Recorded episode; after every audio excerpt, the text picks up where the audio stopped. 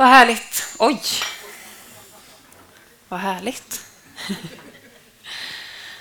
Att få sjunga om sommaren. Nu är den här och Guds natur får tala till oss om hans storhet. Vi har varit inne nu några veckor i pingstens texter eh, och talat om att löftet om anden, det gäller oss alla. Det gäller dig och det gäller mig. Helige Ande vill flytta in i oss var och en och löftet om Anden gäller oss alla. Jörgen har talat om att den heliga Ande ger döda ben liv utifrån Hesekiel 37. Han har också talat om att Anden inte vill göra oss konstiga, utan han vill göra oss vackra. Är det inte fint? Att Anden vill bo i oss och ge oss frukter som är vakta, vackra. Och I söndag så pratade Jörgen om pingstdagen i Bibeln där Jesus säger när anden kommer över er kommer ni att få kraft att bli mina vittnen. Och helig ande vill få dig och mig att se någon annan än oss själva, inte bara vända vår blick inåt utan också utåt. Han pratade om att han ville göra rädda, skrämda lärjungar till frimodiga missionärer som inte frågar hur ska det gå för oss, utan hur ska det gå för dem? Inte bara undrar hur ska det gå för mig, utan hur ska det gå för dig? Och han talar om eh, Guds hjärta för den här världen. Och jag tänkte ta vid där idag, vad den helige Ande gör med oss. Att vi får sträcka oss ut och gå ett steg till. Och eh, jag vill stanna upp vid Jesu ord från Matteus evangeliet kapitel 28, vers 18 19 där det står Åt mig har getts all makt i himlen och på jorden. Gå därför ut och gör alla folk till lärjungar. Tack Jesus för ditt ord, att du är större än oss, att du går före och att det är du som har gett ditt liv för våran skull, så att vi sen kan få gå ut och berätta. Tack för att det är din makt som regerar, att det är dig all makt har gett och att vi därför får gå ut och göra all folk till lärjungar. Jesus. Jesus. Amen. Det här säger Jesus till sina lärjungar efter att han har uppstått ur graven. Så Jesus dör och uppstår ur graven och då säger han det här till sina lärjungar. Och jag tänkte läsa hela stycket där det står eh, från vers 16. De elva lärjungarna gick till Galileen, till det berg dit Jesus hade befallt dem att gå. När de fick se honom tillbad de honom, men några tvivlade. Då trädde Jesus fram och talade till dem och sa åt mig har getts all makt i himlen och på jorden. Gå därför ut och gör alla folk till lärjungar. Döp dem i Faderns, Sonens och den helige Andes namn och lär dem att hålla allt som jag befallt er. Och se, jag är med er alla dagar till tidens slut. Jag skulle vilja tala idag om en Gud som har ett hjärta för alla människor. Både alla människor som ännu inte har fått höra om Jesus alla människor som kanske har hört om Jesus men inte tagit något beslut att följa honom. Hans hjärta också för sitt folk, alla som har döpt sig, beslutat för att följa honom, sin församling, hela vägen. Hans hjärta för alla människor. Han vill vara en Gud som inte bara stannar här i kyrkan, utan som vill gå ut och möta, sig, möta människor i vår stad och vårt land. Han vill vara hela livets Gud. Jag tänker att vi börjar i början av det här stycket i vers 17. Där står det, när de fick se honom tillbad de honom, men några tvivlade. När de såg Jesus så tillbad de honom, men några tvivlade.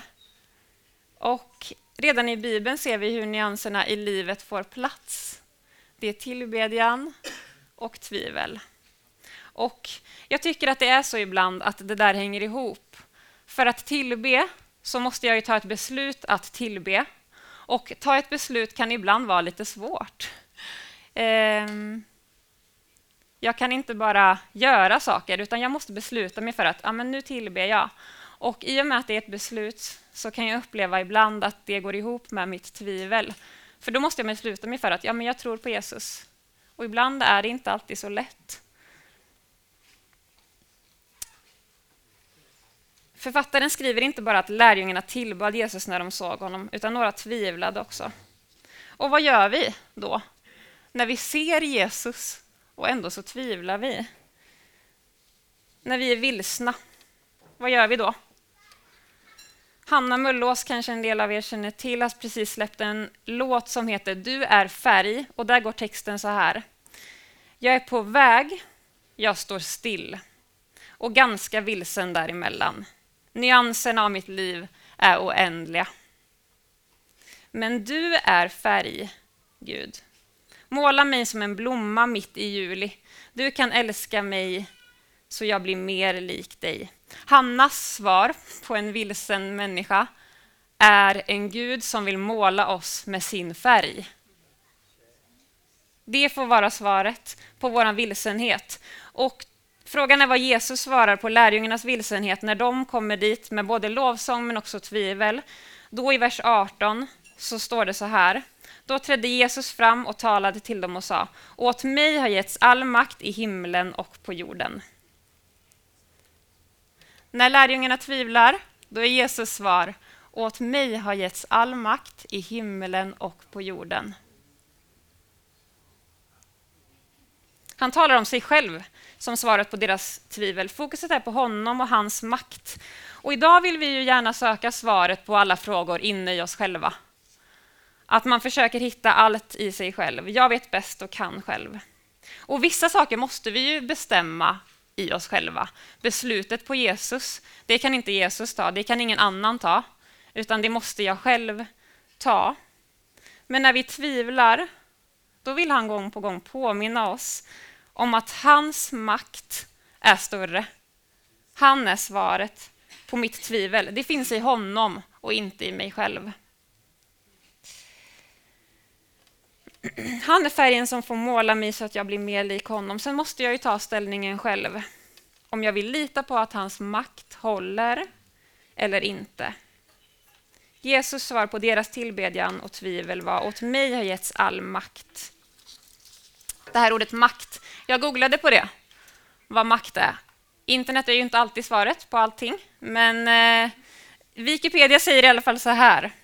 Makt är ett sociologiskt, teologiskt, organisationsteoretiskt och filosofiskt begrepp som beskriver förmågan att driva igenom sin vilja. Makt, säger Wikipedia, är att ha en förmåga att driva igenom sin vilja. Och eh, Det här kanske du kan tycka låter lite skrämmande, eh, att någon har en förmåga att driva igenom sin vilja.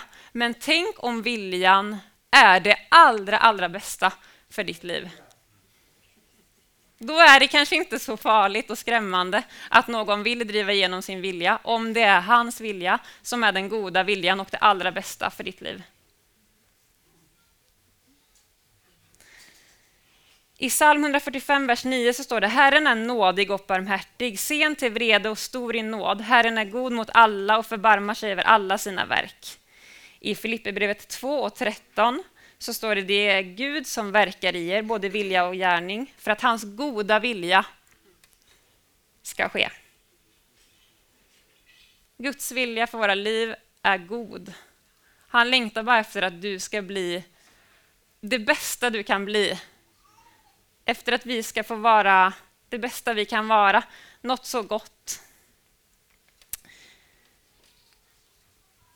När de fick se honom tillbad de honom, men några tvivlade. Då trädde Jesus fram, talade till dem och sa, åt mig har getts all makt i himlen och på jorden. Vidare i vers 19 så står det, gå därför ut och gör alla folk till lärjungar. Och det är så förknippat med vår identitet som kristna, att vi får vara missionärer som går ut och berättar om evangeliet. Alla folk, vilken vacker syn! Att alla skulle bli Jesu lärjungar. Det här bibelordet kallas ofta för missionsbefallningen för att vi som kristna är kallade att bedriva mission och gå ut och berätta om budskapet. Inte bara för vår egen skull, utan för hela världens skull. Vi kallar det att vara frimodiga missionärer. Och vi sjunger även om det här i vår kyrka och tycker att det är viktigt. En sång som heter Bygger mitt liv som vi kommer sjunga lite senare, där sjunger vi Visa vem du är och fyll mig med ditt hjärta. Led mig vidare att älska andra. Och min längtan är verkligen att Gud ska få landa i mitt hjärta och att jag ska få ledas vidare och älska andra. Men vad är det då? Att bedriva mission och att gå ut och att älska andra. Och jag vet inte vad din bild av mission är idag. Förr så var det ju någonting annat, när vi inte hade de möjligheterna som vi har idag. Att sända ut missionärer innebar att vi sände människor till svåråtkomliga platser. Och sen var de borta i åratal och vi väntar på ett brev som kanske tar fyra veckor att komma hit. Och vi vet inte vad som har hänt eller hur det har gått. Kanske ännu längre tid, Marianne? Ja, ibland sex veckor. Oftast kom det fram. Idag handlar det väldigt sällan om att ta på sig kängor och med machete ta sig igenom djungeln till onådda folk. Idag ser världen lite annorlunda ut. Och jag tänkte läsa ett stycke ur en bok som heter Ett bönens hus för alla folk, som är utgiven av Evangeliska Frikyrkan, där det står Många av oss har blivit uppmanade att be för, den så kallade, för det så kallade 1040-fönstret i världen. Det handlar om alla de folk som bor inom den tionde och fyrtionde breddgraden. Och här bor de flesta folk som aldrig fått chansen att höra evangeliet om Kristus. Det är också inom 1040-fönstret som de flesta muslimska folken leder, lever. Fram till 70-talet bodde muslimer nästan uteslutande inom sina länder. Men idag är situationen totalt annorlunda och miljontals muslimer har klivit ut genom fönstret och bor idag utspridda i våra länder. Herren svarar ibland på våra böner på sätt som vi kanske inte har tänkt oss.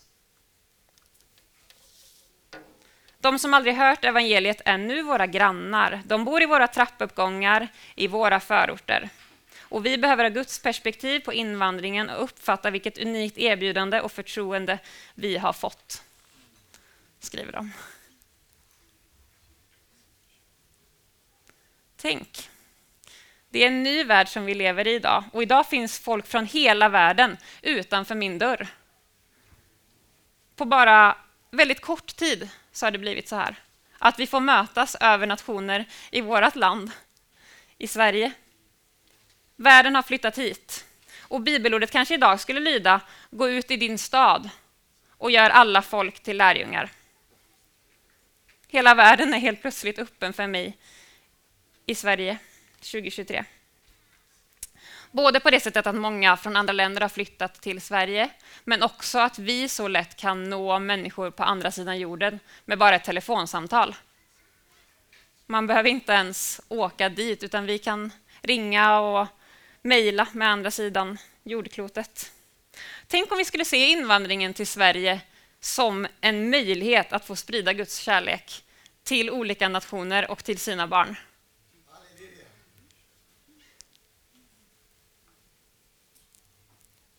Sveriges kristna råd skriver i en debattartikel om Martin Luther King. De skriver så här. När hat, aggressivitet och avståndstagande uppmuntrades som motkraft valde King och hans medarbetare att gå icke-våldets väg. För att bemöta orättvisorna och som hindrade rörelsefrihet för svarta och omöjliggjorde för människor att mötas använde de icke-våld.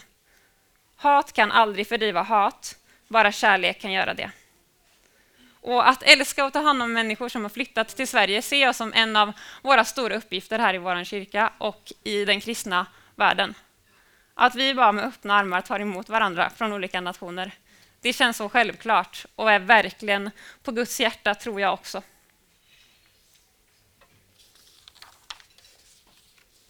Det låter ju vackert att vi ska gå ut och göra alla folk till lärjungar. Men känns det inte lite väl stort? Åtta miljarder människor bor det på vår jord. Och Jesus säger till oss, gör alla till lärjungar. Ja, visst. Vem är jag? Det står, gå därför ut och gör alla folk till lärjungar. Kan det vara så att vi ibland glömmer bort vår primära kallelse som först och främst är till Kristus och så ser vi på vår egen oförmåga att möta alla och glömmer bort det där lilla ordet därför. Gå därför ut och gör alla folk till lärjungar. åt mig har getts all makt i himmelen och på jorden. Gå därför ut. Det måste börja där. i Jesus. Och sen får det vara han som leder oss vidare. Det måste börja i ett därför. Eftersom Jesus har all makt så får vi följa, så får vi gå. Låt oss börja med Jesus som grund som vi sen kan bygga vidare på. Och då kanske den där frågan, men vem är jag att göra det här? Istället landar i, vem är min Herre? Är det jag eller är det Jesus? Vem får jag följa? I vers 19 så står det, gå därför ut och gör alla folk till lärjungar.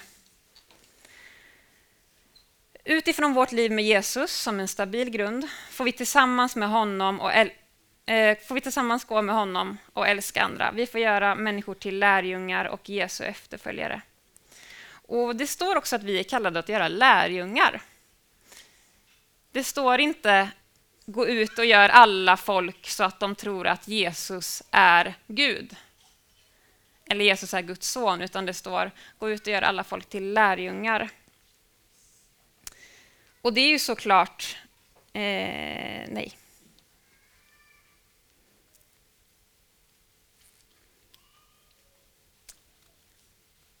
Precis, vi är kallade att uppmuntra människor till efterföljelse av Jesus. Inte bara i en tro på honom. Inte bara omvändelse, utan också efterföljelse. Att vi får ha ett så mycket större perspektiv på vad det innebär att gå med honom. Vi är kallade att göra lärjungar. Vi är kallade att göra alla folk till lärjungar. Och jag har funderat lite på det här ordet alla folk. Vilka är alla folk? Det är såklart alla människor. Och det är ju lätt, kanske när man bor i Sverige, att tänka att det är alla folk här runt omkring mig, min familj och kanske också min etnicitet. Mina svenska vänner och de som är lite mer som mig. Men ordet folk, alla folk, är på grekiska etnos och därifrån kommer vårt ord etnicitet etnicitet som betyder folkslag. Man skulle ju kunna översätta texten då till gå ut och gör alla etniciteter till lärjungar. Och vi längtar efter i den här kyrkan, efter att få vara en kyrka där alla etniciteter och alla folk får plats. Att alla etniciteter får bli lärjungar. Vi vill ha lärjungar från olika folkslag och olika kulturer, från alla världens länder. Från Sverige, från Kongo, Finland och Spanien. Och alla andra.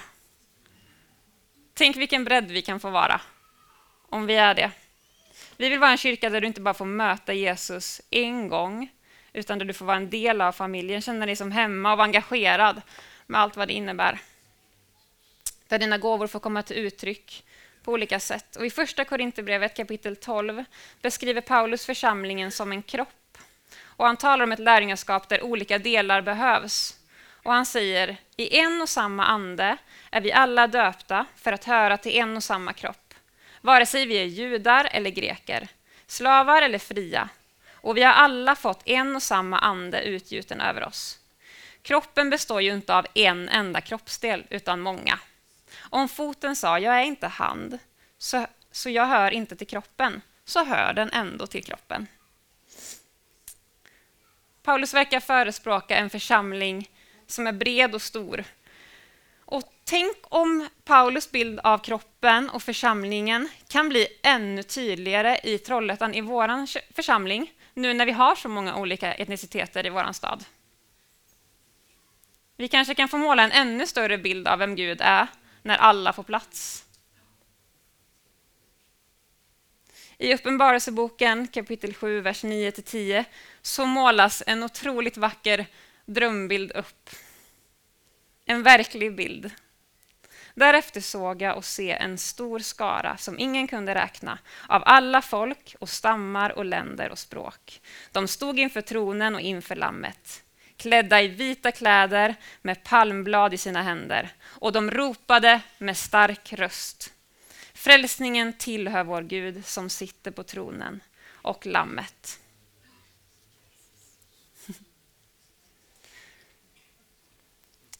Så utifrån det bibelordet som jag läste idag från Matteus 28 tror jag att det är på Guds hjärta att vi får komma till honom med våra tvivel, lämna över det i hans händer som har all makt. Och därifrån får vi bygga vårt liv på den här grunden som Jesus är. Och vi får leva livet genom att gå ut och älska andra människor och göra alla folk, alla etniciteter till lärjungar.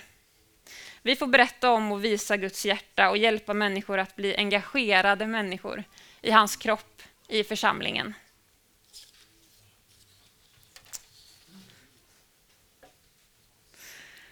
Och jag skulle vilja avsluta den här predikan med att be två personer som jag pratat med innan eh, att komma fram och eh, så ska vi be tillsammans för eh, eh den här, det här som jag pratat om, att vi vill vara ett folk. Mm. Vi vill be för olika etniciteter i vår församling och i Trollhättan. Och jag tror att vi behöver enas och vara ett folk för att ännu fler människor ska komma till tro. För hans rikes skull behöver vi göra det.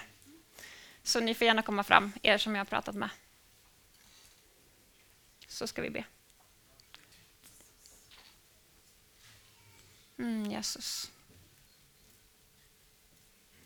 Jesus. Går den här micken bra att använda? Yes. Ja, jag kan också med här.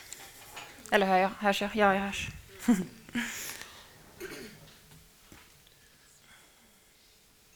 Jag har bett om att be på sina språk. Eh, förut när vi pratade innan så, så sa eh, de båda två egentligen att men vi är inte på svenska. Och så sa jag nej, vi är på era språk. Vi vill höra era språk. Och så sa Janne, vi har en och samma ande och vi hör vad som är hjärtat. Så vi ber att vi ska få vara en enad församling och att vi ska få nå ut till fler folk. I de länderna som ni representerar och de länderna som ni alla representerar här inne. Vi kan väl stå upp tillsammans och så ber vi ut vår längtan till Jesus. Ja, Jesus. Tack för att du har skapat oss precis som vi är. Tack för att du älskar alla människor utöver vår värld. Alla olika etniciteter, alla olika folk. Tack för att vi får måla en ännu större bild av vem du är när vi får vara enade tillsammans och gå tillsammans och vara en församling av så många olika människor. Tack Jesus att du leder oss. Led oss att älska fler människor, att möta mer människor så att vi får döpa fler människor i den här kyrkan. Tack att du går före. Tack för att du har skapat olika kulturer, olika människor, olika länder, Jesus. Tack för att du går med. Jesus, vi ber för alla som har kommit till Trollhättan, som är flyktingar och som inte känner sig hemma i Sverige, Jesus. Jag ber att du ska komma med din kärlek och din omsorg om dem, Jesus. Tack för att du är ett hjärta för alla folk. Tack för att du älskar alla människor, och att du inte har glömt en enda. Och jag ber att vi ska få vara en öppen församling som tar emot alla. Som ser olika människor oberoende av allt egentligen. Att vi bara får vara dina barn. Jesus, Jesus. Vill du be? Du får gärna ställa dig där. Eller ska jag hålla den?